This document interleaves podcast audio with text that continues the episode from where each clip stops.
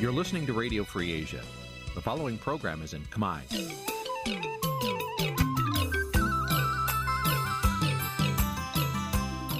Nǐ chi càm bi tiệp xáy vệt chiu a zì sê ray នេះជាកម្មវិធីផ្សាយរបស់ Vithu Azisari ជាភាសាខ្មែរ វត្តឈូអាស៊ីសេរីសូមស្វាគមន៍លោកអ្នកនាងទាំងអស់ពីរដ្ឋធានី Washington នៃសហរដ្ឋអាមេរិក ពីរដ្ឋធានីវ៉ាស៊ីនតោនខ្ញុំបាទសេកបណ្ឌិតសូមជម្រាបសួរអស់លោកអ្នកនាងកញ្ញាទាំងអស់ជាទីមេត្រីយើខ្ញុំសូមជូនកម្មវិធីផ្សាយសម្រាប់ព្រឹកថ្ងៃប្រហោះ13រោចខែភទ្របទឆ្នាំថោះបញ្ញស័កពុទ្ធសករាជ2567ត្រូវនៅថ្ងៃទី12ខែតុលាគ្រិស្តសករាជ2023បាទជាដំបូងនេះសូមអញ្ជើញអស់លោកនាងស្ដាប់ព័ត៌មានប្រចាំថ្ងៃដែលមានមេតិការដូចតទៅ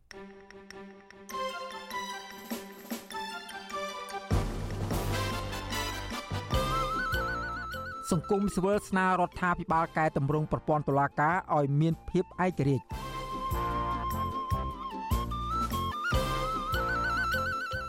ឥទ្ធិពលចិនកំពុងគ្របដណ្ដប់លើវិស័យសារព័ត៌មាននៅកម្ពុជា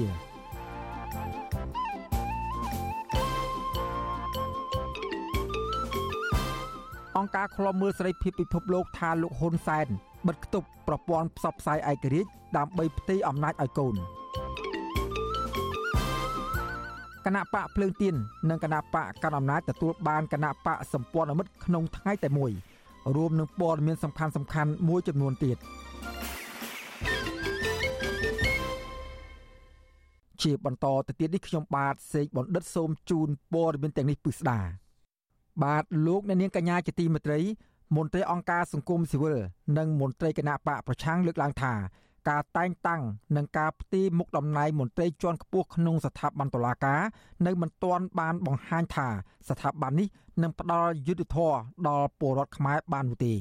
ផ្ទុយទៅវិញប្រសិនបើស្ថាប័នតុលាការនៅតែមិនឯករាជ្យហើយស្ថិតនៅក្រោមអំណាចនយោបាយនោះពលរដ្ឋនិងសកម្មជនសង្គមបរិស្ថាននិងនយោបាយនៅតែរងភាពអយុត្តិធម៌បាទសូមស្ដាប់សេចក្តីរាយការណ៍របស់លោកជីវតាអំពីរឿងនេះពីរដ្ឋធានី Washington មន្ត្រីអង្គការសង្គមស៊ីវិលនិងបកប្រឆាំងសង្កេតឃើញថាសកម្មជនសង្គមបរិស្ថាន និងអ្នកនយោបាយតែងរងភាពអយុត្តិធម៌ពីប្រព័ន្ធតុលាការមិនឯករាជ្យដែលលំអៀងទៅរកអ្នកមានលុយមានអំណាចមន្ត្រីទទួលបន្ទុកសិទ្ធិមនុស្សនិងធុរកិច្ចនៃមជ្ឈមណ្ឌលសិទ្ធិមនុស្សកម្ពុជា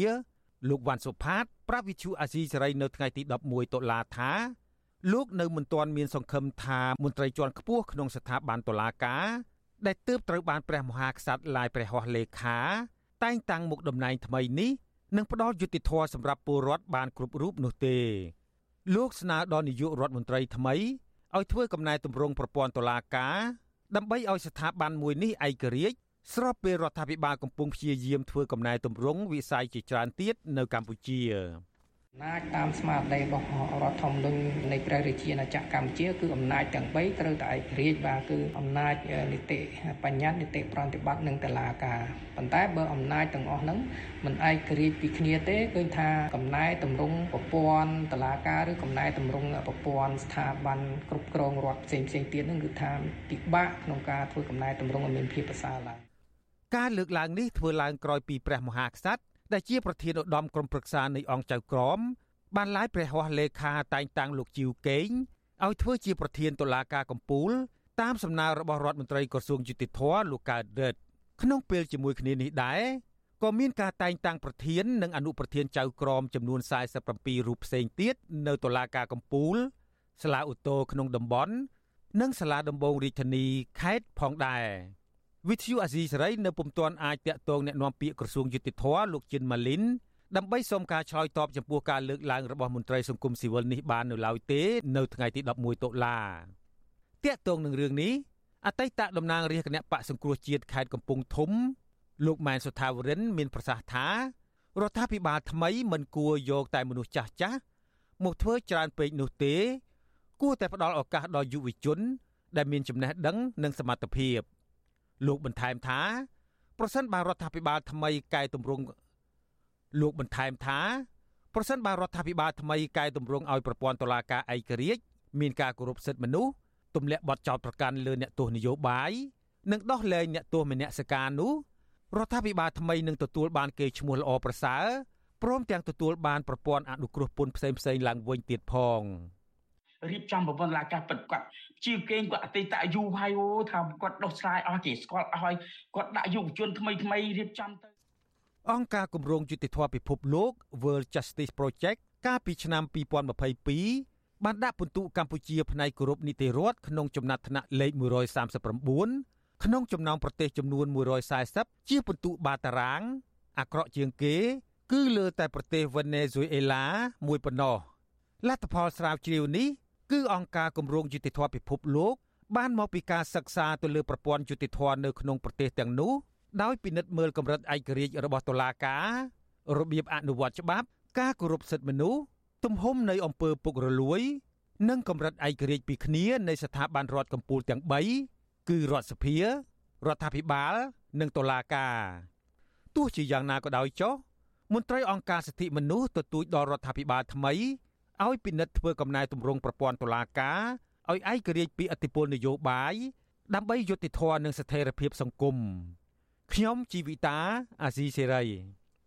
បាទលោកអ្នកនាងកញ្ញាជាទីមេត្រី អ្នកតាមដានសង្គមសង្កេតឃើញថា បច្ចុប្បន្ននេះឥទ្ធិពលចិនកំពុងតែគ្របដណ្ដប់លើវិស័យសារព័ត៌មានឯករាជ្យនៅកម្ពុជាពួកគេអះអាងថាបញ្ហានេះដោយសារតែមានមហាអំណាចចិនជាខ្នងបង្អែកគ្រប់គ្រងផ្នែកនយោបាយ រដ្ឋាភិបាលកម្ពុជា ហាក់មិនសូវយកចិត្តទុកដាក់ពីការលើកកម្ពស់សិទ្ធិមនុស្សលទ្ធិប្រជាធិបតេយ្យនិងសេរីភាពសារព័ត៌មាននោះទេបាទលោកដានៀងនឹងបានស្ដាប់សេចក្តីរាយការណ៍ពិស្ដារអំពីរឿងនេះនាពេលបន្តិចទៀត thank you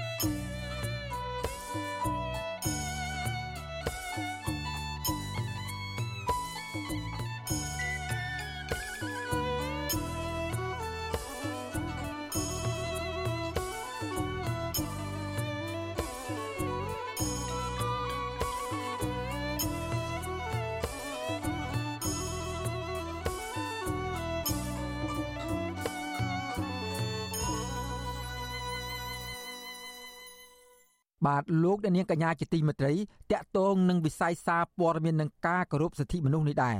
អង្គការឃ្លាំមើលសេរីភាពពិភពលោកហៅថា Freedom House បានលើកឡើងថាអតីតនាយករដ្ឋមន្ត្រីលោកហ៊ុនសែននិងជាប្រធានគណៈបកប្រជាជនកម្ពុជា បានបំបិតសេរីភាពបញ្ចេញមតិនិងសារព័ត៌មានដើម្បីសម្រេចមហិច្ឆតាផ្ទៃអំណាចទៅឲ្យកូន បាទសូមស្ដាប់សេចក្តីរាយការណ៍របស់លោកមានរិទ្ធពីរដ្ឋធានី Washington អំពីរឿងនេះ អង្គការឃ្លាំមើលសេរីភាពពិភពលោក Freedom House បានចេញផ្សាយរបាយការណ៍សេរីភាពនៅលើបណ្ដាញអ៊ីនធឺណិតឆ្នាំ2023ដាក់ចំណងជើងថាអំណាចបែបគៀបសង្កត់នៃបញ្ញាសិប្បនិម្មិតឬ AI អង្គការឃ្លាំមើលសេរីភាពពិភពលោករកឃើញថានៅមុននឹងអំឡុងពេលបោះឆ្នោតក្រុមមេដឹកនាំកំពុងកាន់អំណាចជាច្រើនរួមទាំងមេដឹកនាំកម្ពុជាផងនោះបានធ្វើឲ្យសេរីភាពនៃការបញ្ចេញមតិមួយផ្នែកធំคล้ายជាបទអក្រិត រាំងខ្ទប់ដល់ការចូលទៅអានគេហទំព័រព័ត៌មានឯករាជ្យនិងបានចេញបញ្ជាឲ្យដាក់ការគ្រប់គ្រងផ្សេងទៀតទៅលើលំហូរព័ត៌មានក្នុងគោលដៅធ្វើឲ្យប្រជាពលរដ្ឋបោះឆ្នោតឲ្យពួកគេអង្គការឃ្លាំមើលសេរីភាពពិភពលោក Freedom House គូបញ្ជាក់ថាក្នុងដំណើរឆ្ពោះទៅការបោះឆ្នោតនៅខែកក្កដាឆ្នាំ2023ដែលតាមរយៈការបោះឆ្នោតនោះអតីតនាយករដ្ឋមន្ត្រីហ៊ុនសែនមានផែនការផ្ទេរអំណាចទៅឲ្យកូនប្រុសរបស់លោក អាញាធរកម្ពុជា បានបិទគប់មិនឲ្យពលរដ្ឋចូលទៅអានព័ត៌មានរបស់ Visual Asia ស្រី Visual សម្លេងប្រជាធិបតេយ្យ VOD និងសារព័ត៌មាន The Cambodia Daily អង្គការនេះថាការធ្វើដូច្នេះរឹតតែធ្វើឲ្យរបបដឹកនាំនៅកម្ពុជា បន្តចាក់គ្រឹះយ៉ាងរឹងមាំទៅលើទស្សនវិជ្ជានៃប្រព័ន្ធផ្សព្វផ្សាយតាមបណ្ដាញអនឡាញ នាយកប្រតិបត្តិនៃសមាគមសម្ព័ន្ធអ្នកសារព័ត៌មានកម្ពុជាហៅកាត់ថាកម្ពុជាលោក Novi ឲ្យដឹងថាការធ្វើទុកបុកម្នេញការដកហូតអាជ្ញាប័ណ្ណនិងការបិទគប់ព័ត៌មានពីសំណាក់រដ្ឋាភិបាលកន្លងមកនេះបានធ្វើឲ្យប៉ះពាល់ជាអវិជ្ជមានយ៉ាងខ្លាំងដល់បុរដ្ឋរដ្ឋាភិបាលនិងសាធារណជន លោកណូវីបន្តថាទោះបីជាព័ត៌មានមួយចំនួនរិះគន់រដ្ឋាភិបាលយ៉ាងណាក្តីក៏ព័ត៌មានទាំងនោះគឺឆ្លុះបញ្ចាំងពីភាពខ្វះខាត ឬអសកម្មរបស់រដ្ឋាភិបាល ដើម្បីជាប្រយោជន៍ដល់ប្រជាពលរដ្ឋ ជាធម្មតាទោះបីជាព័ត៌មានហ្នឹងវាជាព័ត៌មានដែលគុណទៅដល់រដ្ឋាភិបាលក៏អាចថាជាបានជាគំនិតព័ត៌មាននេះបង្ហាញអំពីរឿងភាពអវិជ្ជមានផ្សេងផ្សេងដែលកើតមានឡើងនៅក្នុងសង្គមក៏ធ្វើឲ្យរដ្ឋាភិបាលបានទទួលព័ត៌មានអំពីបញ្ហាផ្សេងផ្សេងដែលកំពុងកើតមានឡើងដើម្បីឲ្យរដ្ឋាភិបាលយកបញ្ហាទាំងអស់ហ្នឹងយកទៅដោះស្រាយលោកណូវីថាការធ្លាក់ចុះនៃវិស័យព័ត៌មានជាបន្តបន្ទាប់មកនេះគឺជារឿងដ៏គួរឲ្យព្រួយបារម្ភ ហើយលោករំពឹងថារដ្ឋាភិបាលថ្មីមិនគួរចាត់ទុកអ្នកសារព័ត៌មាន ឬស្ថាប័នព័ត៌មានឯករាជ្យជាសត្រូវរបស់រដ្ឋាភិបាលនោះទេ រីឯនីយការប្រតិបត្តិនៃមជ្ឈមណ្ឌលកម្ពុជាដើម្បីប្រព័ន្ធផ្សព្វផ្សាយឯករាជ្យហៅកាត់ថា CCIM អ្នកស្រីឈុនសគុន្ធា មានប្រសាសន៍ថារាល់ការចេញផ្សាយរបាយការណ៍នីមួយៗមិនថាអង្គការជាតិឬអង្គការអន្តរជាតិនោះទេ គឺសុទ្ធតែមានវិធីសាស្ត្រនៅក្នុងការប្រមូលព័ត៌មានភស្តុតាង និងសម្ភារភាគីពាក់ព័ន្ធអ្នកស្រីឈុនសគុន្ធាយល់ស្របថា ការចេញផ្សាយរបាយការណ៍របស់អង្គការអន្តរជាតិនេះគឺជាការបង្ហាញស្ថានភាព និងបញ្ហាសេរីភាពបញ្ចេញមតិនិងសេរីភាពសារព័ត៌មាននៅក្នុងប្រទេសកម្ពុជានាពេលបច្ចុប្បន្ននេះអ្នកស្រីបន្ថែមថាការដែលរដ្ឋាភិបាលបិទប្រព័ន្ធផ្សព្វផ្សាយឯករាជ្យកាលពីពេលកន្លងមកនេះធ្វើឲ្យបញ្ហា និងទុកកង្វល់របស់ពលរដ្ឋមិនត្រូវបានដឹងឮដល់សាធារណជន និងរដ្ឋាភិបាលដោះស្រាយនោះទេ អ្នកស្រីឈុនសគុណធាស្នើដល់រដ្ឋាភិបាលធ្វើការឆ្លុះបញ្ចាំងពីការរកឃើញរបស់របាយការណ៍នេះហើយងាកមកបើកទូលាយឲ្យអ្នកសារព័ត៌មានគ្រប់និន្នាការនិងអ្នកឯករាជ្យអាចធ្វើការបានដោយគ្មានការរឹតបន្តឹងវិសុវស៊ីស្រីមិនអាចសុំការឆ្លើយតបរឿងនេះពីរដ្ឋមន្ត្រីក្រសួងព័ត៌មានលោកនេតភក្ត្រានិងអ្នកនាំពាក្យក្រសួងព័ត៌មានលោកទេពអាសនារិទ្ធបាននៅឡើយទេនៅថ្ងៃទី11ខែតុលា ក្រុមអង្គការសិទ្ធិមនុស្សអន្តរជាតិចំនួន8ស្ថាប័នកាលពីថ្ងៃទី8ខែកញ្ញាបានដាក់លិខិតរួមគ្នាមួយទៅកាន់ក្រុមប្រឹក្សាសិទ្ធិមនុស្សអង្គការសហប្រជាជាតិដែលលើកឡើងថាការដែលរដ្ឋាភិបាលកម្ពុជា បញ្ជាឲ្យក្រុមហ៊ុនផ្ដល់សេវាកម្មអ៊ីនធឺណិតបិទគប់ការចូលទៅកាន់គេហទំព័រប្រព័ន្ធផ្សព្វផ្សាយឯករាជ្យដូចជាគេហទំព័រសារព័ត៌មាន The Cambodia Daily Visual Asia ស្រី និងគេហទំព័រមូលដ្ឋានទិន្នន័យសាធារណៈកំណត់ត្រា នៅប្រមាណថ្ងៃមុនថ្ងៃបោះឆ្នោត បង្ហាញឲ្យឃើញពីការមិនអត់ឱនជាប្រព័ន្ធនិងចេះតែកើនឡើង របស់រដ្ឋាភិបាលកម្ពុជា ទៅលើប្រព័ន្ធផ្សព្វផ្សាយឯករាជ្យនៅកម្ពុជាខ្ញុំបានមេរិត Visual C ស្រីពីរដ្ឋធានី Washington បាទលោកអ្នកនាងកញ្ញាជាទីមេត្រីតកតងនឹងដំណើរការនយោបាយនៅក្នុងប្រទេសកម្ពុជាបច្ចុប្បន្ននេះដែរអ្នកតាមដានស្ថានភាពសង្គមនិងមន្ត្រីគណៈបកប្រឆាំងលើកឡើងថា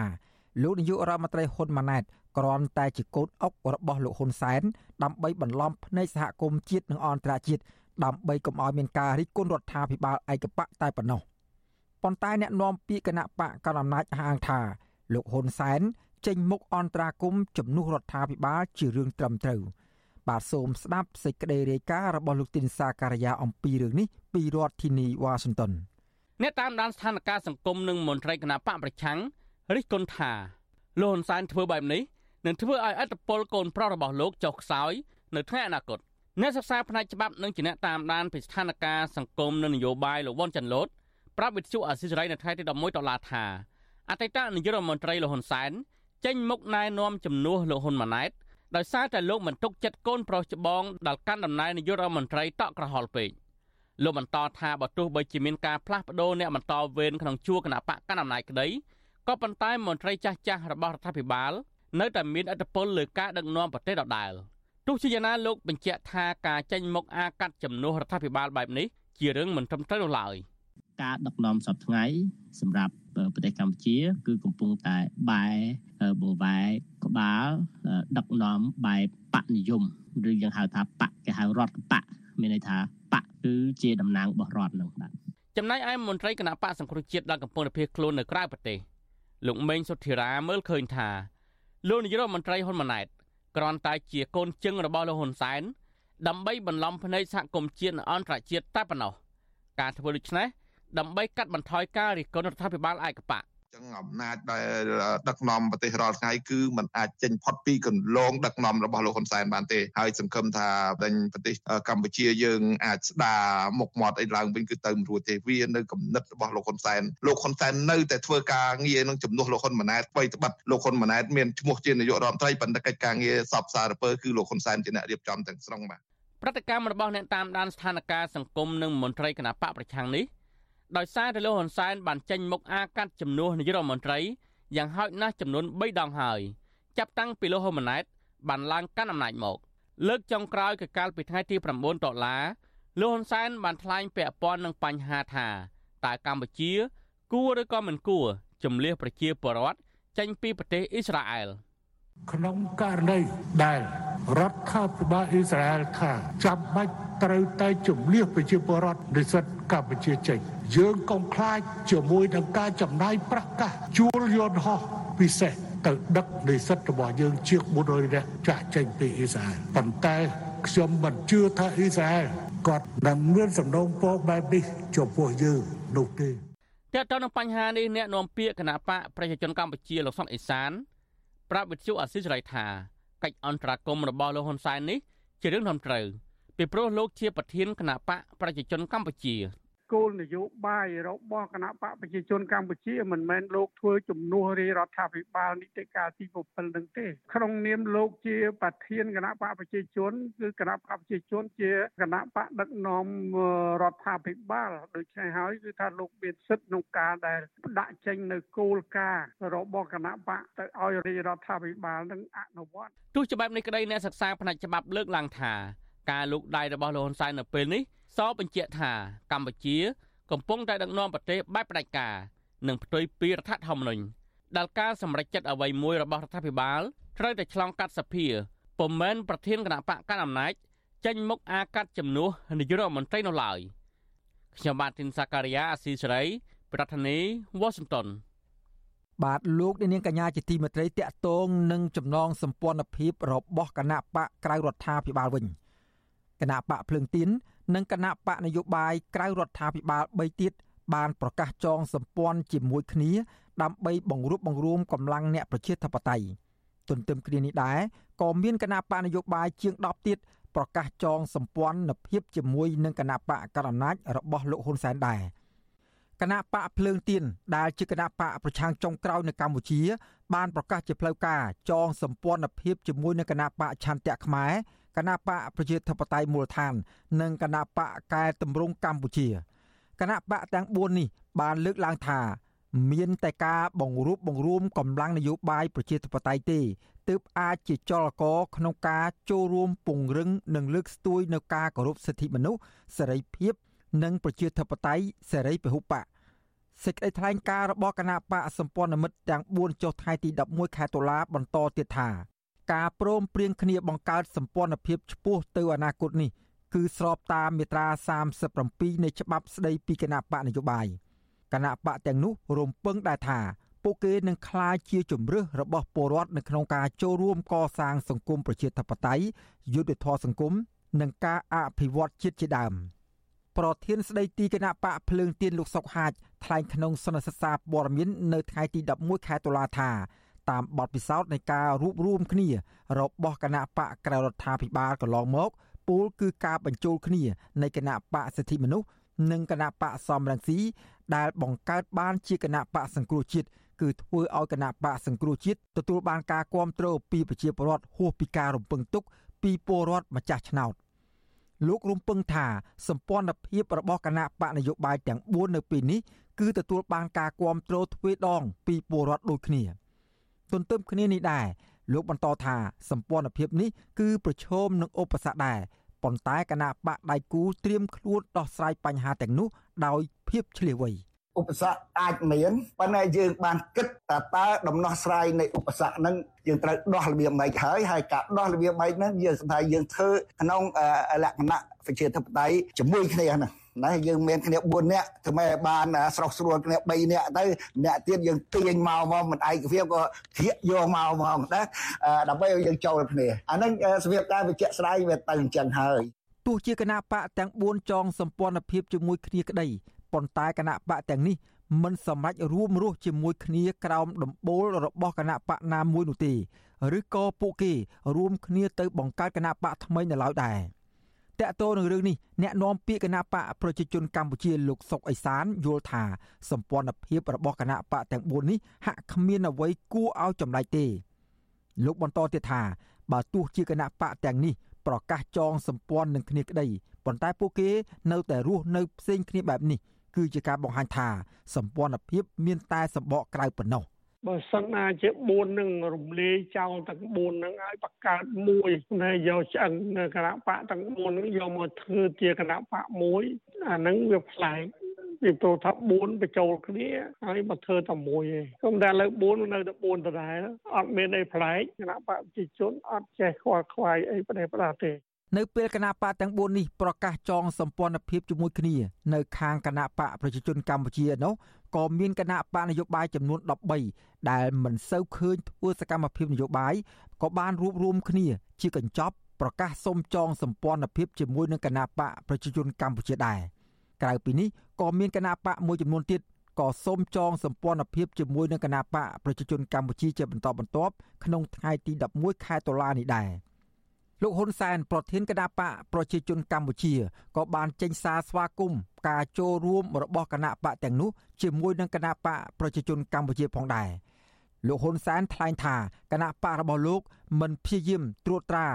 លើគណៈបកសម្ព័ន្ធមិត្តទាំងនោះទេ តែបានចាត់ទុកគណៈបកទាំងនោះថាជាដៃគូស្មើភាពគ្នា ប្រធានគណៈបកកណ្ដាលអំណាចរូបនេះអះអាងថាគណៈបករបស់លោក ក៏មានតម្រូវការក្នុងការចងសម្ព័ន្ធភាពជាមួយនឹងគណៈបកទាំងនោះដែរក៏នឹងឈានទៅដល់ការចុះហត្ថលេខាលើវិធីសារឬកិច្ចព្រមព្រៀងសហប្រតិបត្តិការរវាងបណ្ដាគណៈបកនយោបាយយើងពិតជាមានតម្រូវការនៅក្នុងការរួបរวมរវាងគណៈបកនយោបាយនៅកម្ពុជា ដើម្បីសម្រេចគោលដៅការរក្សាសន្តិភាពដើម្បីធានាការអភិវឌ្ឍរយៈពេលវែង ជុំវិញរឿងនេះអ្នកសិក្សាផ្នែកច្បាប់លោកវ៉ុនចាន់ឡូតយល់ឃើញថាសម្ព័ន្ធភាពរបស់គណៈបកភ្លើងទៀនជាមួយនឹងគណៈបកនយោបាយ3ផ្សេងទៀតគឺជាការវិលរួបរวมគ្នាឡើងវិញនៃអតីតមន្ត្រីគណៈបកសង្គ្រោះជាតិនិងជាការបូកជាមួយនឹងគណៈបកនយោបាយដែលបង្កើតដោយអ្នកធ្វើការងារសង្គមនិងមន្ត្រីអង្គការសង្គមស៊ីវិលគឺគណៈបកប្រជាធិបតេយ្យមូលដ្ឋានលោកប្រៀបប្រដូចសម្ព័ន្ធភាពនេះគឺជាសម្បក3ខ្ចប់ស្នូលតែមួយ គឺសម្ព័ន្ធមិត្តទាំង3របស់គណៈបកភ្លើងទៀនអាចជួយឲ្យគណៈបកភ្លើងទៀនចូលរួមការបោះឆ្នោតនាពេលខាងមុខចំពោះការចងសម្ព័ន្ធភាពរបស់គណៈបកជាង10ជាមួយនឹងគណៈបកប្រជាជនកម្ពុជានោះវិញអ្នកខ្លាំមើលស្ថានភាពនយោបាយវ័យក្មេងរូបនេះយល់ឃើញថាសម្ព័ន្ធភាពនេះហាក់ត្រឹមតែជាការចោះចូលជាមួយនឹងគណៈបកកណ្ដាលអំណាចដើម្បីអាចឲ្យគណៈបកទាំងនោះទទួលបានលៀបសក្ការៈប៉ុណ្ណោះ។ តែពិតវាមិនមែនជាសម្ព័ន្ធភេទទេយើងនិយាយមកបែបទៅវាជាការសុំចុះចូលរស់នៅក្រោមបារមីនៃគណៈបកប្រជាជនទៅវិញទេគណៈបកប្រជាជនចង់បង្ហាញថាមិនមែនមានតែគណៈបកក្រៅរដ្ឋាភិបាល3 4ហ្នឹងទេ គឺខ្លួនក៏មានសម្ព័ន្ធភាពជាមួយនឹងគណៈបក10 20ផ្សេងទៀតដែរហ្នឹងបាទ គណៈបកភ្លើងទៀនកាលពីថ្ងៃទី25ខែកញ្ញាប្រកាសចងសម្ព័ន្ធភាពជាមួយនឹងគណៈបកដែលមានទស្សនៈនិងជំហរនយោបាយដូចគ្នាជំហររបស់គណៈបកភ្លើងទៀនបែបនេះក្រោយពេលដែលគណៈបកនេះត្រូវបានកោជបហាមឃាត់មិនឲ្យចូលរួមការបោះឆ្នោតកាលពីថ្ងៃទី23ខែកក្កដាកន្លងទៅនឹងអាចប្រឈមនឹងការមិនអនុញ្ញាតឲ្យចូលរួមការបោះឆ្នោតអសកលឆ្នាំ2024និងការបោះឆ្នោតនានានៅពេលខាងមុខទៀត។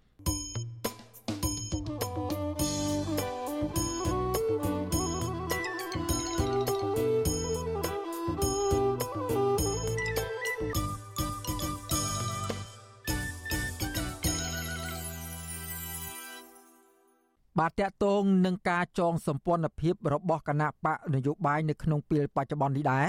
ប្រជាពលរដ្ឋស្វាគមន៍ការចងសម្ព័ន្ធភាពរបស់គណៈបកក្រៅរដ្ឋាភិបាលចំនួន4ពួកគេយល់ថាសម្ព័ន្ធភាពនយោបាយនឹងធ្វើឲ្យសម្លេងនៃគណៈបកប្រឆាំងរីកកាន់តែធំ ហើយអាចឈានទៅដណ្ដើមបានអាសនៈមួយចំនួននៅក្នុងសភាបាទសូមស្ដាប់សេចក្តីរាយការណ៍របស់លោកយ៉ងច័ន្ទរាអំពីរឿងនេះពីរដ្ឋធានីវ៉ាស៊ីនតោន ប្រជាពលរដ្ឋនិងយុវជនមួយចំនួនរំពឹងថាការរួបរวมគ្នានៃក្រមគណៈបកប្រឆាំងនៅពេលនេះនឹងអាចជួយស្ដារលទ្ធិប្រជាធិបតេយ្យនិងសិទ្ធិមនុស្សនៅកម្ពុជាឡើងវិញប្រជាពលរដ្ឋម្នាក់រស់នៅស្រុកសាឡាក្រៅខេត្តបៃលិនលោកស្រីទៀបចន្ទធូប្រាប់វិទ្យុអាស៊ីសេរីនៅថ្ងៃទី11តុលាថាការរួបរวมគ្នារវាងគណៈបកប្រឆាំងចំនួន4នៅពេលនេះប្រៀបបានទៅនឹងការចងក្រងជាចង្កឹះមួយបាច់ ដើម្បីទប់ទល់ទៅនឹងការព្យាយាមកំទេចក្រុមអ្នកនយោបាយខាងប្រជាធិបតេយ្យពីខាងគណៈបកកណ្ដាលអំណាចជាកើមួយគេកាច់បាក់តែយើងជាកើ10គេមិនអាចកាច់យើងបាក់ទេអាហ្នឹងបានន័យថាយើងចង់ឯកភាពគ្នា ស្ដារប្រទេសជាស្ដារមាតុភូមិយើងដើម្បីដែលប្រជាជនគ្នាណាគ្នាតន់ខ្សោយនឹងឲ្យជួយនិយាយរួមទៅឲ្យគ្នាមានសិទ្ធិសេរីភាពផងណាពូការលើកឡើងរបស់ប្រជាពលរដ្ឋនេះធ្វើឡើងក្រោយពេលគណៈបកភ្លើងទៀនគណៈបកប្រជាធិបតេយ្យមូលដ្ឋាន គណៈបកឆន្ទៈខ្មែរនិងគណៈបកកែតម្រង់កម្ពុជា បានចុះហត្ថលេខាបង្កើតសម្ព័ន្ធភាពរួមកម្លាំងគ្នាឆ្ពោះទៅចូលរួមការបោះឆ្នោតនៅពេលខាងមុខការរួមកម្លាំងគ្នារបស់អ្នកប្រជាធិបតេយ្យនៅពេលនេះកើតមានឡើងខណៈគណៈបកកណ្ដាលអំណាចបន្តធ្វើទុកបុកម្នេញតាមគ្រប់រូបភាពទៅលើមន្ត្រីនិងសកម្មជនគណៈបកភ្លើងទៀនដែលជាគណៈបកប្រឆាំងធំជាងគេបំផុតនៅពេលបច្ចុប្បន្ននេះដែលមានអ្នកគ្រប់គ្រងជិត2លាននាក់និស្សិតឆ្នាំទី1ផ្នែកព័ត៌មានវិទ្យា កញ្ញាអៀមហំមើលឃើញថាការចងសម្ព័ន្ធភាពនៅពេលនេះគឺជាការតស៊ូស្វិតស្វាញនិងមានឆន្ទៈច្បាស់លាស់ដើម្បីលើកកម្ពស់លទ្ធិប្រជាធិបតេយ្យបើទោះបីជាពួកគេរងការគំរាមកំហែងនិងការព្យាយាមទិញទឹកចិត្តពីសំណាក់គណៈបកកណ្ដាលអំណាចយ៉ាងណាក្តី។ ខ្ញុំជឿជាក់ថានៅពេលដែលគណៈបកទាំង4រួបរวมគ្នាខ្ញុំគិតថាសលេងប្រកបជាច្រើនហើយយុវជនក៏ដូចជាពលរដ្ឋខ្មែរនឹងមានការគ្រប់គ្រងយ៉ាងខ្លាំងដោយសារចក្ខុវិស័យក៏ដូចជាការតាំងចិត្តក៏ដូចជាការដឹកនាំក្នុងការអភិវឌ្ឍប្រទេសកម្ពុជានឹងគឺខ្លាំងមែនទែនសម្រាប់ខ្ញុំមើលឃើញពួកគាត់ស្វិតស្វាញខ្លាំងមែនទែនទោះបីត្រូវបានគេគំរាមកំហែងប៉ុន្តែពួកគាត់នៅតែអត់លះបង់ឆន្ទៈក្នុងការចូលរួមអភិវឌ្ឍប្រទេសស្រដៀងគ្នានេះប្រដេចប្រគុណឡុងសុគា នៅខេត្តបាត់ដំបងសង្ឃឹមថា ការចងសម្ព័ន្ធភាពគ្នារវាងអ្នកនយោបាយប្រឆាំងនៅពេលនេះនឹងអាចប្រមូលសម្លេងគាំទ្របានកាន់តែច្រើនហើយអាចឈានទៅទទួលបានអាសនៈមួយចំនួននៅក្នុងសភាព្រះអង្គចង់ឲ្យរដ្ឋសភាសពថ្ងៃមានសម្លេងចម្រុះមកពីគ្រប់និន្នាការនយោបាយពីព្រោះមានតែសម្លេងច្រើនទេទើបអាចធ្វើឲ្យការដឹកនាំប្រទេសកាន់តែមានដំណាភាពគណនេយ្យភាពនិងយុត្តិធម៌សង្គមសម្រាប់ប្រជាពលរដ្ឋគ្រប់រូបមានតែគណៈបកមួយអញ្ចឹងចង់ឬមិនចង់ពួកគាត់ធ្វើអីសម្រាប់អីក៏នៅតែ លើមាត់របស់ពួកគាត់អញ្ចឹងទៅគឺបញ្ហាមួយចំនួនដែលគិតថាជាដំណើរដើម្បីជួយរុញឲ្យសង្គមរបស់យើងរីកចម្រើនជាជាការមើលឃើញពីប្រជាពលរដ្ឋជួបការលំបាកហើយជួយដោះស្រាយទៅពួកគាត់វាអត់មានអញ្ចឹងជាទស្សនៈផុតណាត់គាត់ឃើញថាជាផ្លូវមួយដែលពួកគាត់បង្ហាញឃើញថាពួកគាត់នៅស្រឡាញ់លទ្ធិប្រជាធិបតេយ្យហើយពួកគាត់ពួតដៃគ្នាដើម្បីធ្វើរឿងហ្នឹងដើម្បីឲ្យសង្គមប្រជាជាតិយើងរីកចម្រើនទៅមុខទៀត ជុំវិញការចងសម្ព័ន្ធភាពគ្នានេះពលរដ្ឋរស់នៅក្នុងស្រុកមងឬសីខេត្តបាត់ដំបងលោកព្រៃខេមចង់ឲ្យគណៈបកទាំង4មានគោលជំហរស្រឡាញ់លទ្ធិប្រជាធិបតេយ្យនិងសិទ្ធិមនុស្សដូចគ្នាហើយចេះពិភាក្សាគ្នាជាធ្លុងមួយដើម្បីរកវិធីសាស្ត្រផ្សេងផ្សេងឈានទៅដោះស្រាយបញ្ហាប្រទេសជាតិដោយការជជែកវែកញែកអំពីលទ្ធិប្រជាធិបតេយ្យពិតប្រាកដដូចគ្នា ខ្ញុំបាទនឹងដូចគ្នាយើងអាចជជែកនិយាយគ្នាអំពីបញ្ហាជាតិដាក់លើតុចរចាទៅដើម្បីបង្កើតគណៈបកមួយឈ្មោះទៅមុខដើម្បីប្រជាពលរដ្ឋហ្នឹងហើយខ្ញុំអត់មានអីទេបងប្អូនខ្ញុំត្រេកអរបើសិនណាជាអាចទៅរួចប្រជាពលរដ្ឋយុវជន និងព្រះសង្ឃចង់ឃើញអ្នកនយោបាយចំនួនថ្មី ប្រគល់ប្រជែងគ្នាដោយធម៌អហិង្សា និងឈរទៅលើគោលនយោបាយហើយបញ្ឈប់ការធ្វើបាបសម្លេងប្រឆាំងដោយសពថ្ងៃនេះ បើពុំដូច្នេះទេប្រទេសជាតិនឹងមិនអាចរីកចម្រើនជឿនលឿនដោយប្រទេសជិតខាងបានឡើយខ្ញុំយ៉ងច័ន្ទដារាវិទ្យុអាស៊ីសេរី Washington បាទលោកអ្នកនាងកំពុងតាមដានស្ដាប់ការផ្សាយរបស់វិទ្យុអាស៊ីសេរីពីរដ្ឋធានីវ៉ាស៊ីនតោនសហរដ្ឋអាមេរិកឥឡូវនេះយើងក៏លេចមកមើលបញ្ហាបរិស្ថានព្រៃឈើវិញម្ដងបាទជនជាតិដើមភៀតតិចភ្នងរស់នៅខេត្តមណ្ឌលគិរីសោកស្ដាយដើមឈើតូចធំជាច្រើនពាន់ដើមស្ថិតនៅក្នុងព្រៃបំរុងទុកសហគមន៍ត្រូវជន់ខលខូចគ្រាវឲ្យងាប់ដើម្បីដុតកំទេចឲ្យខ្លាទៅជាវារហោឋាន ដើម្បីយកដីធ្វើជាទ្រព្យសម្បត្តិផ្ទាល់ខ្លួនពួកគាត់ចាត់ទុកទង្វើបែបនេះថាជាទម្លាប់អាក្រក់បន្តកើតមានដដែលដដែលមិនដាល់ឃើញឆ្មាំអភិរក្សរបស់ក្រសួងបរិស្ថាន និងអាជ្ញាធរមូលដ្ឋាន មានវិធានការច្បាប់នៅឡើយនោះទេបាទសូមស្ដាប់សេចក្តីរាយការណ៍របស់លោកទីនសាការីយ៉ាដាច់ឡែកមួយទៀតជុំវិញព័ត៌មាននេះ។ ដីព្រៃបំរុងទុកសហគមន៍ជនជាតិដើមភាគតិចភ្នងរស់នៅក្នុងភូមិអូត្រេសស្រុកកោះញែកកំពុងតែប្រឈមនឹងការកាប់បំផ្លាញដោយសារតែសកម្មភាពរបស់បរតចំណាក់ស្រុកគ្រាវឲ្យងាប់រិចដុតកំទេចចោលឲ្យคล้ายជាវាលរហោឋានសមាជិកសហគមន៍លោកស្រីយ៉ាយ៉ានីប្រាប់វិទ្យុអាស៊ីសេរីកាលពីថ្ងៃទី11តុលាថាសកម្មភាពគ្រាវដើមឈើឲ្យងាប់ក្នុងបំណងងាយយកដីព្រៃអភិរក្សធ្វើជាកម្មសិទ្ធិនៅតែបន្តកើតមានច្រើនក្នុងខេត្តមណ្ឌលគិរី ហើយធ្វើឲ្យប៉ះពាល់ធនធានធម្មជាតិដែលជនជាតិដើមភាគតិចអាស្រ័យផលជាច្រើនចំនួនមកហើយលោកស្រីថាវិធីសាស្ត្រគ្រាវដើមឈើគឺក្រុមជនល្មើសជាយកសម្បកជំវិញដើមឲ្យអស់ហើយទុករយៈពេលយ៉ាងយូរ1ឆ្នាំដើម្បីឲ្យឈើងាប់រួចដុតបំផ្លាញចោល។ ដែលគេរុករៀនឥឡូវគឺជាប់ជាប់នឹងការស្រែរបស់អ្នកនៅទៅនឹងអ្នកដែលសន្តិដីសហគមន៍ពីមុនមកអញ្ចឹងណាគេគ្រាវដីគ្រាវថ្មីថ្មីហ្មងថាជាមកទួលនឹងអស់លេងហ្មងណាព្រោះពីមុនពីមុនមកបំពើជនជាតិយើងចង់កាត់ធ្វើសេដ្ឋកិច្ចការមានបរិស្ថានគេដេញចាប់ដេញចោលគេមកឲ្យធ្វើអញ្ចឹងតែឥឡូវមានបងប្អូនខ្មែរពីណាទៅនេះគេមកធ្វើជាគេដូចរលូនរបស់គេអញ្ចឹងណាថ្មីថ្មីនេះប្រជាសហគមន៍មួយក្រុមបានចោះដល់ទីតាំងព្រៃបំរុងទុកសហគមន៍ភូមិអូត្រេស ប្រទះឃើញដើមឈើតូចធំជាច្រើនពាន់ដើមស្ថិតនៅចំណុចទួលត្រពាំងរ៉េប៉ែតត្រូវប្រជាពលរដ្ឋចំណាស្រុកគ្រាវកាលពីពេលថ្មីថ្មីនេះប្រជាសហគមន៍ទាំងនោះ មានបំណងស្ដារព្រៃឡើងវិញ ដើម្បីរក្សាចម្រុះសត្វព្រៃជាច្រើនប្រភេទកំពុងរស់នៅទីនោះ និងសម្បូរអនុផលព្រៃឈើពួកគាត់បានថតរូបភាពនិងវីដេអូធ្វើជាភស្តុតាង ដើម្បីស្នើដល់អាជ្ញាធរជំនាញរកមុខជនល្មើសដើម្បីយកមកអនុវត្តតាមច្បាប់ វិទ្យុអាស៊ីសេរីមិនអាចតតងប្រធានមន្ត្រីបរិស្ថានខេត្តមណ្ឌលគិរីលោកឆៅប៊ុនឈឿនដើម្បីសំសួរអំពីបញ្ហានេះបានទេ កាលពីថ្ងៃទី11ដុល្លាររីឯមេឃុំអ4លោកហ៊ានសខនក៏វិទ្យុអាស៊ីសេរីមិនអាចតតងបានដែរនៅថ្ងៃដដែលនេះក៏ប៉ុន្តែមេភូមិអូត្រេសលោកកុងសុធាទទួលស្គាល់ថាពិតជាមានករណីនេះមែនហើយអាជ្ញាធរភូមិនិងឃុំកំពុងតែប្រមូលព័ត៌មានដើម្បីធ្វើកំណត់ហេតុបញ្ជូនទៅមន្ត្រីបរិស្ថាន ហើយចាត់វិធានការតាមច្បាប់លោកអះអាងថាប្រៃដល់ជនល្មើសគ្រាវជាកន្លែងដល់សហគមន៍រក្សាទុកដើម្បីស្ដារប្រៃឡើងវិញគឺគ្រាវគេកាប់គ្រាវហ្នឹងប្រហែលម៉ានខ្ញុំអានឹងពួកខ្ញុំផ្ញើទៅមន្ត្រីជំនាញជន់ក៏ខូចគ្រាវហ្នឹងខ្ញុំក៏បងតែតែរប្រៃបំរុងទុកសហគមន៍ជនជាតិដើមភាគតិចភ្នងរស់នៅភូមិអត្រេសមានផ្ទៃដីជាង2300ហិកតាស្ថិតនៅក្នុងឃុំអ4លើស្រុកកោះញែកដែលជាផ្នែកមួយនៃដែនចម្រុះសត្វព្រៃភ្នំព្រិច ព្រៃអភិរក្សនេះសហគមន៍បានស្នើសុំចុះបញ្ជីជាតំបន់អភិរក្សសហគមន៍បែបប្រពៃណីជនជាតិដើមភ្នងស្ថិតនៅក្នុងតំបន់អភិរក្សដែលគ្រប់គ្រងដោយក្រសួងបរិស្ថានជុំវិញនឹងរឿងនេះមន្ត្រីសម្រាប់សម្រួលសមាគមអាតហុកខេត្តមណ្ឌលគិរីលោកប៊ីវ៉ានីសង្កេតឃើញថាសកម្មភាពគ្រាវដើមឈើមិនខុសគ្នាទៅនឹងការកាប់ដួលរលំដើមឈើដោយរណាយន្តនោះទេដោយក្រុមជនល្មើសបានប្រារព្ធភាពនេះជំនួសរណាយន្តលោកថាអាញាធរនិងមន្ត្រីបរិស្ថានគួរតែចោះស៊ើបអង្កេត រកមកជនល្មើសយកមកប្រំទោសតាមច្បាប់ដើម្បីប្រមានដល់អ្នកផ្សេងទៀតយើងមិនគួរមិនបណ្ដោយឲ្យជនប្រព្រឹត្តបទល្មើសនៅក្រៅច្បាប់នោះទេយើងត្រូវតែអនុវត្តច្បាប់ដើម្បីការពារទុនធានធម្មជាតិក៏ដូចជាការពារសហគមន៍ក៏ដូចជាដីព្រៃរបស់រដ្ឋដែរប្រជាសហគមន៍បន្ថែមថាមកទល់ពេលនេះព្រៃបំរុងទុកសហគមន៍នៅតែប្រឈមនឹងការកាប់បំផ្លាញគ្រប់រូបភាពដើម្បីកាប់ទន្ទ្រានយកដីដាំដំណាំដំឡូងមី និងស្វាយចន្ទីជាដើម ដែលធ្វើឡើងដោយប្រជាពលរដ្ឋចំណាក់ស្រុកកាប់ទន្ទ្រានយកដីដាំដំឡូងមីនិងស្វាយចន្ទីជាដើមហើយការកាប់បំផ្លាញអស់រាប់រយហិកតានេះបានធ្វើឲ្យប៉ះពាល់ដល់វប្បធម៌ចម្រុះសត្វព្រៃ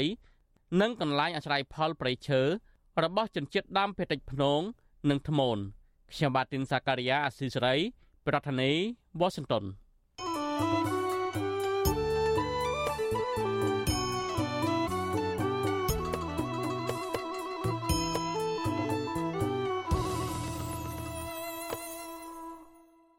បាទលោកនាងកញ្ញាជាទីមេត្រីឥឡូវនេះពាក់ព័ន្ធនឹងការធ្វើកសិកម្មរបស់ប្រជាកសិករវិញម្ដងប្រជាកសិករដែលប្រកបមុខរបរដាំត្រសក់នៅស្រុកស្វាយលើខេត្តសៀមរាបអំពាវនាវឲ្យមន្ត្រីពាក់ព័ន្ធជួយរកទីផ្សារនិងដោះស្រាយបញ្ហាតម្លៃកសិផលធ្លាក់ចុះខ្លាំងមន្ត្រីសង្គមស៊ីវិលមើលឃើញថាបញ្ហាទាំងនេះបណ្ដាលមកពីឈ្មួញកណ្ដាលជាអ្នកកេងប្រវ័ញ្ចទៅលើកសិករ បាទយើងសូមប្រកូលនាទីនេះទៅដល់អ្នកស្រីម៉ៅសុធានីរាយការណ៍អំពីរឿងនេះជូនលោកនាងប្រជាកសិករកំពុងប្រកបរបរដាំដំណាំមួយចំនួន នៅស្រុកស្វាយលើខេត្តសៀមរាបបានត្អូញត្អែពីតម្លៃត្រសក់ធ្លាក់ចុះខ្លាំងបណ្ដាលឲ្យពួកគេប្រឈមមុខខាតបង់និងមិនអាចរកប្រាក់ដល់បំណុលគេបាន។ ពជាកសិករនៅស្រុកស្វាយលើលោកអាងអ៊ុនប្រាប់បច្ចុប្បន្នស៊ីស្រីនៅថ្ងៃទី11ខែតុលាថាលោកបានខ្ចីលុយពីធនាគារចំនួន8លានរៀលដើម្បីយកទៅប្រកបរបរដាំដំណាំក្រែងបានផលចំណេញខ្លះ ទុកសម្រាប់ផ្គត់ផ្គង់ជីវភាពគ្រួសារនិងបង់ធនាគារប៉ុន្តែលោកថានៅពេលដែលប្រមូលផល បែរជាតម្លៃទីផ្សារត្រសក់បានធ្លាក់ចុះមកនៅត្រឹម1គីឡូក្រាម200រៀលហើយតម្លៃនេះធ្វើឲ្យលោកខាតបង់ច្រើនដោយមិនទាន់រាប់បញ្ចូលថ្លៃកម្លាំងពលកម្មនិងការដឹកជញ្ជូនយកទៅលក់ទៅឲ្យឈ្មួញកណ្ដាលនោះឡើយ។ កសិករវ័យ30ឆ្នាំរូបនេះអំពាវនាវដល់មន្ត្រីពាក់ព័ន្ធឲ្យជួយរកដំណោះស្រាយនឹងរោគទីផ្សារក៏ដូចជាកំណត់តម្លៃឲ្យបានថិតថេរដើម្បីឲ្យពួកគេមានលទ្ធភាពរកប្រាក់ចំណេញខ្លះសម្រាប់ចិញ្ចឹមគ្រួសារទីតាមខ្ញុំកាច់ដងចង់ឲ្យមន្ត្រីមួយទៅអើពើឥឡូវដាំឲ្យមួយខោយេ យើងមើលគិតគូរតែក្នុងណាក្នុងស្រុកយើងយើងគិតគូរតែឥឡូវមន្ត្រីក្នុងស្រុកយើងមើលតែមន្ត្រីកសិកម្មនៅអត់ក្នុងស្រុកយើងមើលគិតគូររោទីផ្សារអយយើងរោទីផ្សារប្រជាជននេះឲ្យមានឡើងចិត្តទៅនៅពេលយើងពីតប្រាក់ខែរត់ដល់ពេលយើងអត់មានគិតគូរជាវិរដ្ឋជាវិរដ្ឋបានលុយណានេះមកលុយនៅបងចូលរដ្ឋ ស្រដៀងគ្នានេះដែរកសិករនៅឃុំបឹងមេលាស្រុកស្វាយលើលោកថងធឿនបានឲ្យដឹងដែរថាដើម្បីដាំត្រសក់បាន លោកខ្ចីប្រាក់គេយកមកចំណាយទៅលើថ្លៃជួលដី ថ្លៃភ្ជួរដីនិងថ្លៃថ្នាំសម្រាប់កសិកម្មដោយរំពឹងថានឹងអាចយកប្រាក់ពីការលក់ត្រសក់ទៅសងគេនឹងបង់ធនាគារប៉ុន្តែនៅពេលនេះត្រសក់ធ្លាក់ថ្លៃយ៉ាងខ្លាំងធ្វើឲ្យលោកអស់សង្ឃឹមនឹងមុខរបរដាំត្រសក់នេះ ជីក៏យកថ្នាំក៏យកតែកណក់យកទាំងអស់ហ្នឹងតែជៀបនៅដល់ជៀបគេនៅប្រហែល1.7លាននៅតែបានសងគេដាក់តិចលក់តែគាត់អត់លុយលក់បានលុយហ្នឹងមិនកសិករអះអាងថាប្រជាពលរដ្ឋស្ទើរគ្រប់រូបរអ៊ូរទាំអំពីតម្លៃត្រសក់ធ្លាក់ចុះដែលពួកគេមិនធ្លាប់ជួបពីមុនមកនោះទេ ហើយធ្វើឲ្យកសិករអាចបោះបង់ការប្រកបមុខរបរមួយនេះនិងនាំគ្នាធ្វើចំណាក់ស្រុករកការងារធ្វើនៅប្រទេសជិតខាង កសិករទាំងអស់នោះភាគច្រើនជំពាក់បំណុលធនាគារចាប់ពី5000ដុល្លារទៅដល់30000ដុល្លារជុំវិញរឿងនេះដែរវិទ្យុអស៊ីសេរីមិនអាចតាក់ទងแนะនាំពាក្យក្រសួងកសិកម្មកញ្ញាអឹមរចនានិងលោកខឹមហ្វីណង់ដើម្បីសុំការឆ្លើយតបរឿងនេះបានទេ នៅថ្ងៃទី11ខែតុលា ចំណែកឯអភិបាលខេត្តសៀមរាបលោកប្រាក់សុភ័ណ្ឌវិញ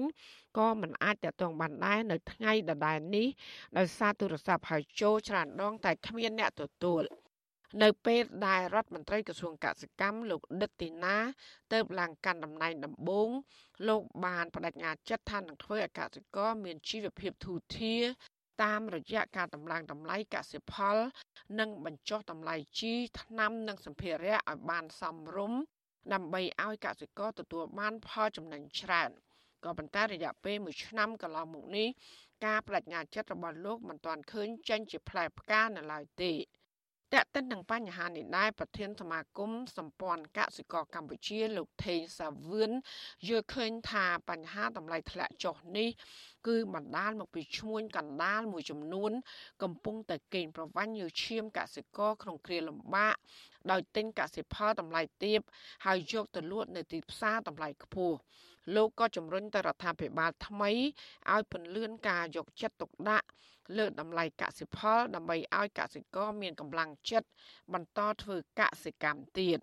រដ្ឋាភិបាលអាជ្ញាធរត្រូវតែមានវិធានការនឹងការស៊ើបអង្កេតផងដែររួមជាមួយនឹងថាត្រូវតែកំណត់នៅព័ត៌មានជាក់លាក់អំពីតម្លៃលក់ របស់កសិករពិសេសគឺការផ្សព្វផ្សាយតើតម្លៃរបស់គាត់ហ្នឹងលក់បានក្នុងតម្លៃបែបណាដើម្បីបង្កើតបរិយាកាសមួយសម្រាប់ឲ្យការលើកទឹកចិត្តសម្រាប់អ្នកដាំអ្នកដុះឬក៏អ្នក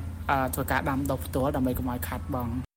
កាលពីដើមខែតុលាកន្លងមកនេះនៅក្នុងពិធីជួបសំណេះសំណាលជាមួយកម្មកររោងចក្រ ស្ថិតនៅរាជធានីភ្នំពេញលោកនាយករដ្ឋមន្ត្រីហ៊ុនម៉ាណែតអំពាវនាវឲ្យកសិករជឿជាក់លើរដ្ឋាភិបាលរបស់លោក ដោយអះអាងថារដ្ឋាភិបាលថ្មី បានរៀបចំថវិកានិងមន្ត្រីជំនាញរួចរាល់អស់ហើយ ដើម្បីជួយដល់កសិករកម្មវិធីនយោបាយយុទ្ធសាស្ត្របញ្ចកោណរបស់រដ្ឋាភិបាលអាណត្តិទី7នេះ បានដាក់ចេញផែនការដាក់ពង្រាយមន្ត្រីកសិកម្មនៅតាមឃុំសង្កាត់ដើម្បីជួយបង្រៀនបច្ចេកទេស និងរកទីផ្សារឲ្យកសិករប៉ុន្តែក្រៅរដ្ឋាភិបាលបង្កើតឡើងជិត2ខែមកនេះមិនទាន់ឃើញរដ្ឋាភិបាលបញ្ជូនមន្ត្រីជំនាញកសិកម្មចុះទៅជួយដល់កសិករនៅតាមមូលដ្ឋាននៅឡើយទេខណៈដែលកសិករកំពុងជួបប្រទះការខាត់បងដោយសារតែតម្លៃកសិផលរបស់ពួកគេធ្លាក់ចុះ ចានាងខ្ញុំម៉ៃសុធានីវិទ្យុអសីស្រីប្រធានាធិបតី Washington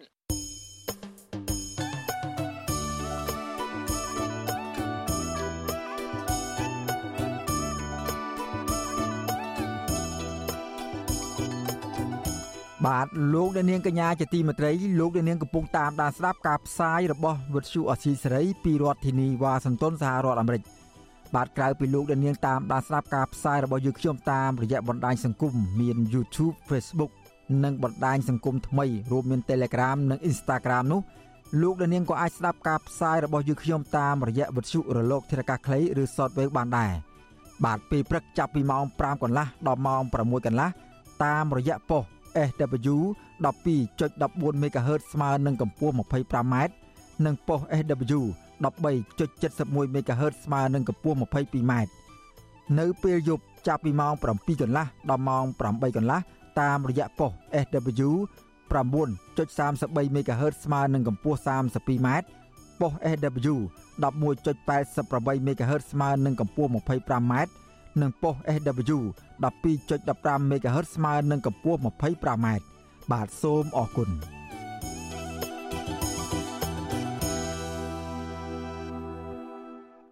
បាទលោកនាងកញ្ញាជាទីមេត្រីពាក់ព័ន្ធនឹងឥទ្ធិពលចិន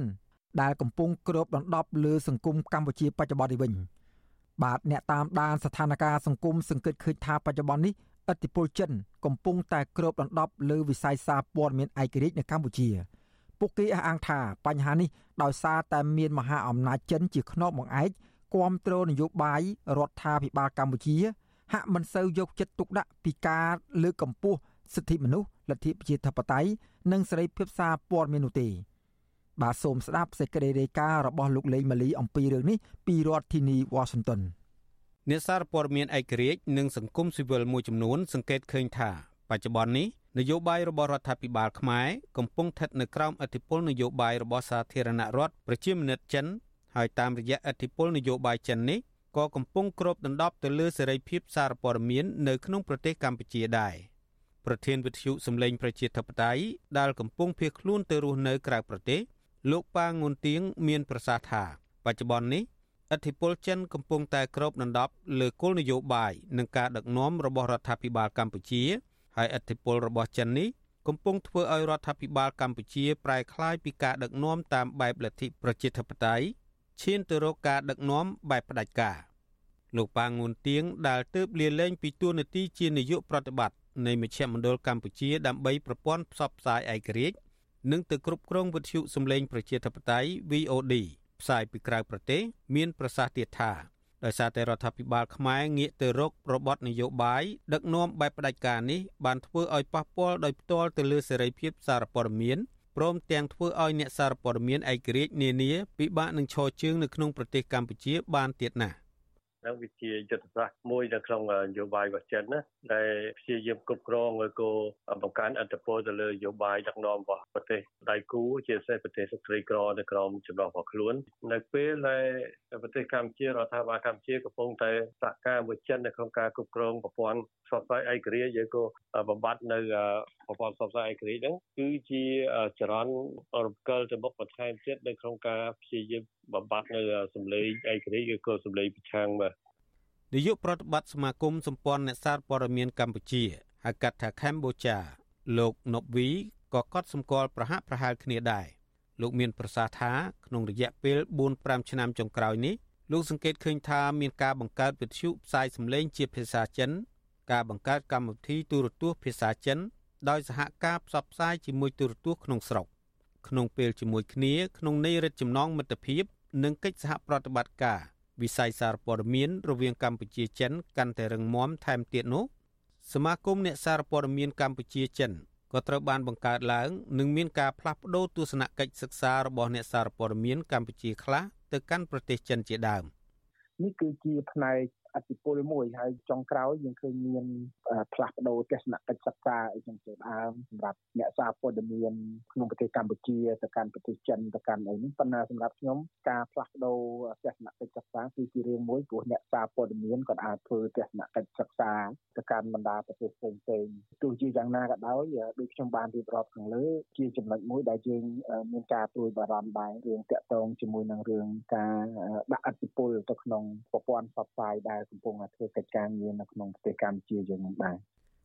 កាលពីពាក់កណ្ដាលខែកុម្ភៈអតីតនាយករដ្ឋមន្ត្រី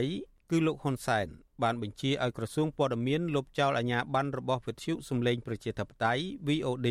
ដែលសាធារណជនយល់ថាជាប្រព័ន្ធផ្សព្វផ្សាយព័ត៌មានក្នុងស្រុកមិនគ្រប់គ្រងរដ្ឋាភិបាលតែមួយគត់ដែលនៅសេសសល់ចុងក្រោយ បន្ទាប់ពីរដ្ឋាភិបាលបានបិទអង្គភាពសារព័ត៌មានឯករាជ្យជាច្រើន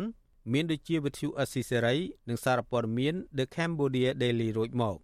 ប្រធានសមាគមការពារសិទ្ធិមនុស្ស Ad hoc លោកនីសុខាមានប្រសាសន៍ថា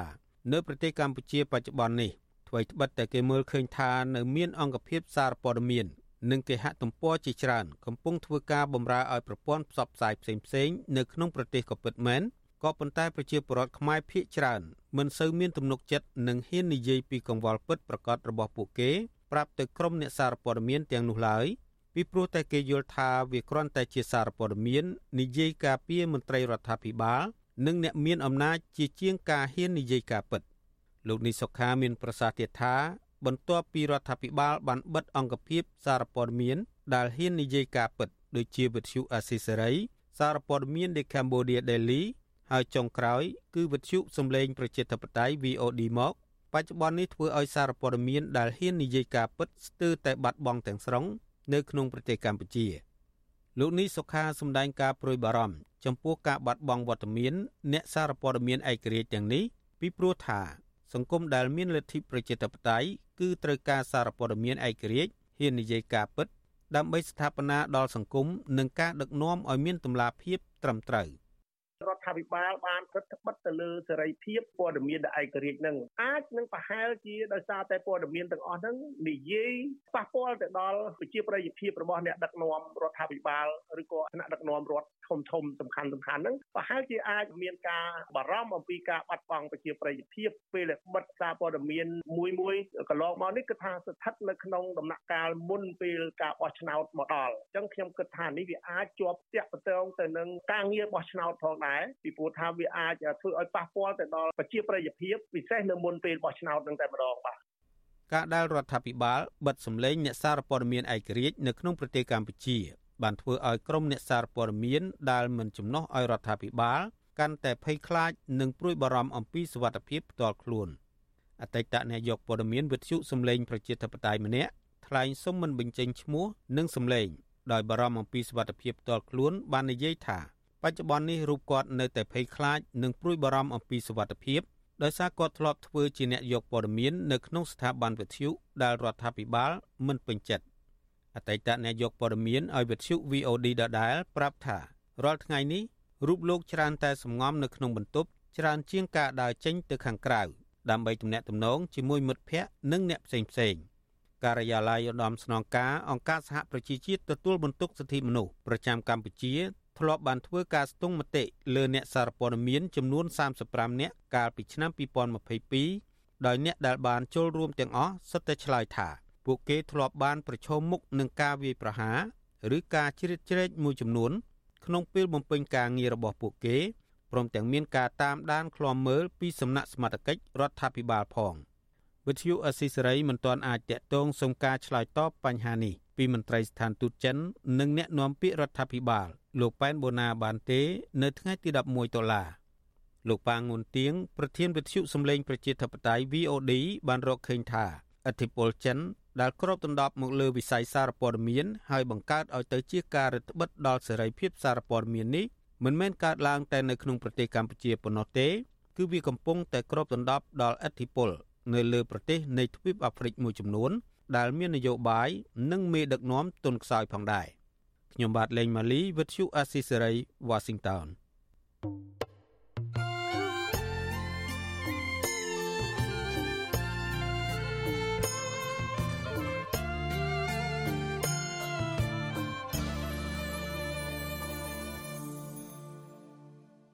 បាទលោកអ្នកនាងកញ្ញាជាទីមេត្រីពាក់ព័ន្ធនឹងវិស័យទេសចរវិញប្រជាពលរដ្ឋនិងអ្នកធ្វើការងារពាក់ព័ន្ធនឹងវិស័យទេសចរមើលឃើញថា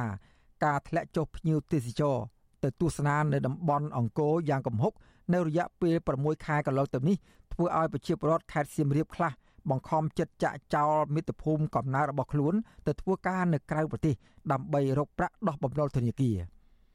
ពលរដ្ឋចាត់ទុកវិបត្តិសេដ្ឋកិច្ចនិងបញ្ហាបំណុលនៅតែតាមលងបន្លាចធធ្វើឲ្យពួកគាត់មិនសូវចាប់អារម្មណ៍ចូលរួមពិធីបុណ្យភ្ជុំបិណ្ឌនិងជាឱកាសជួបជុំក្រុមគ្រួសារដោយសពមួយដងនោះទេបាទសូមស្ដាប់សេចក្តីរាយការណ៍ពិស្ដាររបស់អ្នកស្រីម៉ៅសុធានីអំពីរឿងនេះដូចតទៅ ជារៀងរាល់ឆ្នាំឲ្យតែគៀបពិធីបុណ្យភ្ជុំបិណ្ឌបរដ្ឋរស់នៅខេត្តសៀមរាបតែងតែជួបជុំបងប្អូន ធ្វើបុណ្យទានយ៉ាងសប្បាយរីករាយក៏ប៉ុន្តែពិធីបុណ្យប្រពៃណីជាតិឆ្នាំនេះ អ្នកភូមិមួយចំនួនបែរជាមានកង្វល់រឿងបញ្ហាបំណុលហើយបង្ខំចិត្តចាក់ចោលស្រុកកំណើតទៅធ្វើការនៅក្រៅប្រទេសយ៉ាងប្រថុយប្រថាន បើគេធ្វើដំណើរទៅតំបន់ជនបទនៅរដូវបុណ្យកាន់បិណ្ឌឆ្នាំនេះ ក្នុងស្រុកប្រាសាទបាគងស្រុកសូត្រនិគមស្រុកបន្ទាយស្រី និងស្រុកស្វាយលើខេត្តសៀមរាបពុំសូវមានមនុស្សច្រើនកកកដូចឆ្នាំមុនមុននោះឡើយក៏ប៉ុន្តែបែរជាឃើញផ្ទះអ្នកភូមិខ្លះដាក់ស្លាកលក់ដីនិងលក់ផ្ទះជ្រោងច្រាង ហើយដីស្រែចម្ការរបស់អ្នកភូមិខ្លះទៀតក៏បានដាក់ស្លាកលក់ជាបន្ទាន់នោះដែរ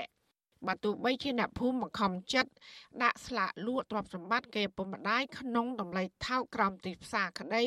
ក៏ពុំសូវមានអ្នកចាប់អារម្មណ៍សួររកទិញនោះដែរបរដ្ឋម្នាក់រស់នៅស្រុកសូត្រនិគមលោកកឹមសៃ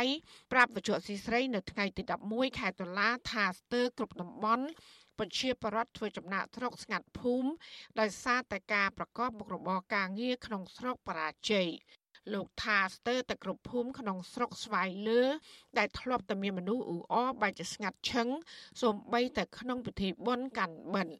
ភូមិណានរត់សឹងទៅទាំងអស់បដ ாய் នេះខ្វះខាតនឹកឃើញថាសេដ្ឋកិច្ចពីមុនវាធូរធារក៏ទៅបានសប្ងៃសេដ្ឋកិច្ចធ្លាក់ទៅរត់បានខ្លះគិតទៅទាំងគ្រួសារក៏បដ ாய் ត្រឹមតែសេដ្ឋកិច្ចយើងធ្លាក់ចុះខ្លាំងនេះបានខ្លះគិតដូចថា ទើរលុយបងអង្ការបានមុនទើបរោងខ្មែរបានដល់សេដ្ឋកិច្ចខ្មែរធ្លាក់គាត់ទៅដោះស្រាយនៅទីគីសិនបើក្រឡេកមើលទស្សនវិជ្ជាប្រជាប្រដ្ឋរស់នៅក្រុងសៀមរាបឯនោះវិញ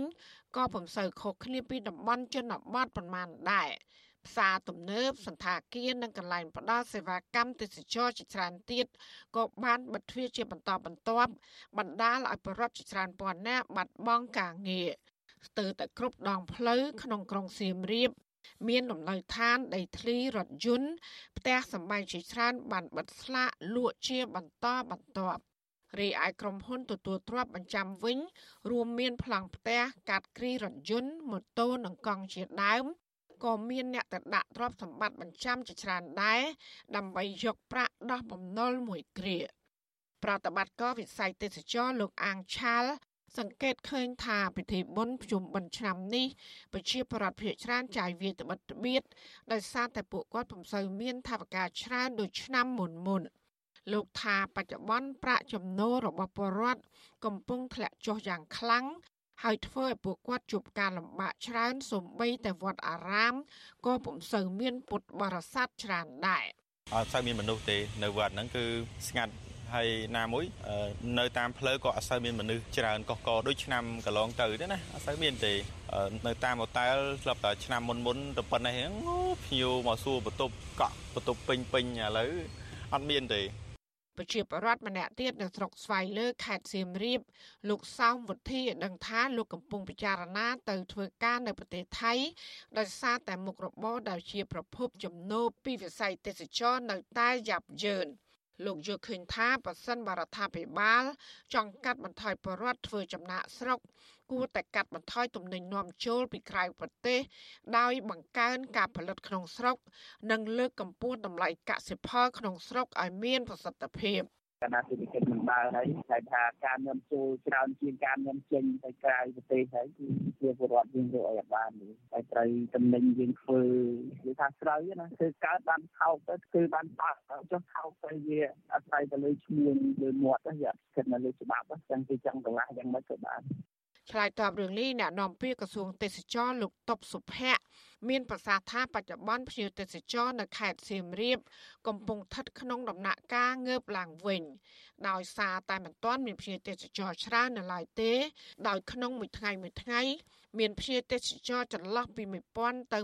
1500នាក់ប៉ុណ្ណោះលោកក៏បានបញ្ជាក់ថាភ្ញៀវទេសចរនៅតិចតួចនៅឡើយបើធៀបទៅនឹងភ្ញៀវទេសចរមកទស្សនាតំបន់អង្គរកាលពីឆ្នាំ2019 មុនពេលដែលផ្ទុះជំងឺ Covid-19 មានភ្ញៀវទេសចរចន្លោះពី8000ទៅ9000នាក់ក្នុងមួយថ្ងៃលោកបន្ថែមទៀតថាចាប់តាំងពីខែតុលានេះតទៅអាចនឹងមានភ្ញៀវទេសចរកើនឡើងក្នុងពេលដែលមានពលានយន្តហោះអន្តរជាតិនៅខេត្តសៀមរាបថ្មីបើកដំណើរការ ក្រសួងទេសចរមិនបាននៅស្ងៀមទេខំប្រឹងប្រែងណាជាពិសេសអាយដាមរដ្ឋមន្ត្រីសុកសុកេនឹងលោកខិតខំប្រឹងប្រែងធ្វើការតាក់ទងសម្របសម្រួលជាមួយក្រសួងស្ថាប័នពាក់ព័ន្ធទាំងអស់ក្នុងការស្ដារវិស័យទេសចរទូទាំងប្រទេសរបស់យើងក៏ដូចជាខេត្តសៀមរាបដូចគ្នា ទោះយ៉ាងណាមន្ត្រីសង្គមស៊ីវិលបន្តទទូចឲ្យរដ្ឋាភិបាលស្ដារប្រជាធិបតេយ្យឡើងវិញ ដើម្បីបើកផ្លូវឲ្យអ្នកវិនិយោគនិងភ្ញៀវទេសចរមកពីបណ្ដាប្រទេសលោកសេរីមកកាន់កម្ពុជាកាន់តែច្រើន ដើម្បីលើកស្ទួយសេដ្ឋកិច្ចជាតិនិងកាត់បន្ថយបរិវត្តចំណាក់ស្រុកជុំវិញរឿងនេះដែរប្រធានមជ្ឈមណ្ឌលប្រជាពលរដ្ឋដើម្បីអភិវឌ្ឍនិងសន្តិភាពលោកយងកំឯងបារម្ភថាការថយចុះភ្ញៀវទេសចរនេះ និងប៉ះពាល់ធ្ងន់ធ្ងរដល់ប្រព័ន្ធសេដ្ឋកិច្ចកម្ពុជា គឺជាពិសេសគឺបរដ្ឋរស់នៅខេត្តសៀមរាប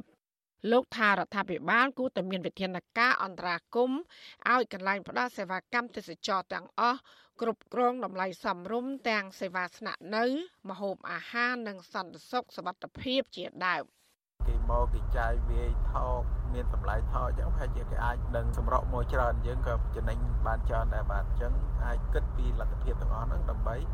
អឺទាក់ទាញទេសចរឲ្យបានតែច្រើនមកទីកម្ពុជាឡើងវិញបាទ កាលពីចុងខែកញ្ញាលោកនាយករដ្ឋមន្ត្រីហ៊ុនម៉ាណែត បានថ្លែងថាកម្ពុជា បានកត់ត្រាភ្ញៀវទេសចរអន្តរជាតិចំនួន3លាន5សែននាក់ក្នុងរយៈពេល8ខែដំបូងនៃឆ្នាំ2023ហើយដែលកើនឡើងជាង250%បើធៀបទៅនឹងឆ្នាំ2022ក៏ប៉ុន្តែក្រសួងទេសចរអះអាង ថាចំនួនភ្ញៀវទេសចរថយចុះច្រើនបើធៀបទៅនឹងឆ្នាំ2019 គឺនៅមុនពេលមិនទាន់ផ្ទុះជំងឺ Covid-19 ដែលកាលនោះមានភ្ញៀវទេសចរមកទស្សនាតំបន់អង្គរគឺជិត10000នាក់ក្នុងមួយថ្ងៃមួយថ្ងៃបើធៀបទៅនឹងបច្ចុប្បន្នគឺមានតែជាង1000នាក់ប៉ុណ្ណោះចានាងខ្ញុំម៉ៅសុធានីវັດឈូអាស៊ីសេរីប្រធានាធិបតី Washington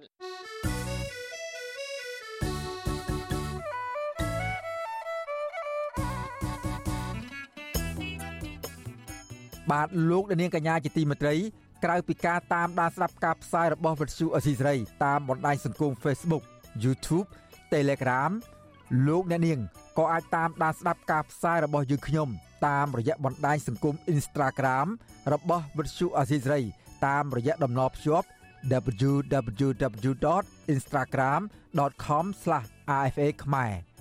វិទ្យុអសីស្រីបន្តខិតខំផ្សព្វផ្សាយព័ត៌មានពិតទៅកាន់បងប្អូនតាមរយៈបណ្ដាញសង្គមផ្សេងផ្សេងនិងសម្បូរបែបដើម្បីលោកដានាងងាយស្រួលតាមដានការផ្សាយរបស់វិទ្យុអសីស្រីគ្រប់ពេលវេលា និងគ្រប់ទីកន្លែងតាមរយៈទូរស័ព្ទរបស់អស់លោកដានាង បាទសូមអរគុណ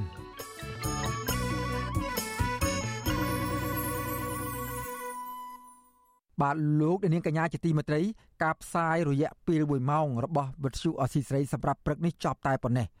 យើងខ្ញុំសូមជូនពរដល់អស់លោកនាងព្រមទាំងក្រុមគ្រួសារទាំងអស់ឲ្យជួបប្រកបតែនឹងសេចក្តីសុខចម្រើនរុងរឿងកំបីគ្លៀងគ្លាឡើយខ្ញុំបាទសេកបណ្ឌិតព្រមទាំងក្រុមការងារទាំងអស់របស់វិទ្យុអស៊ីសេរីសូមអរគុណនិងសូមជម្រាបលា thank you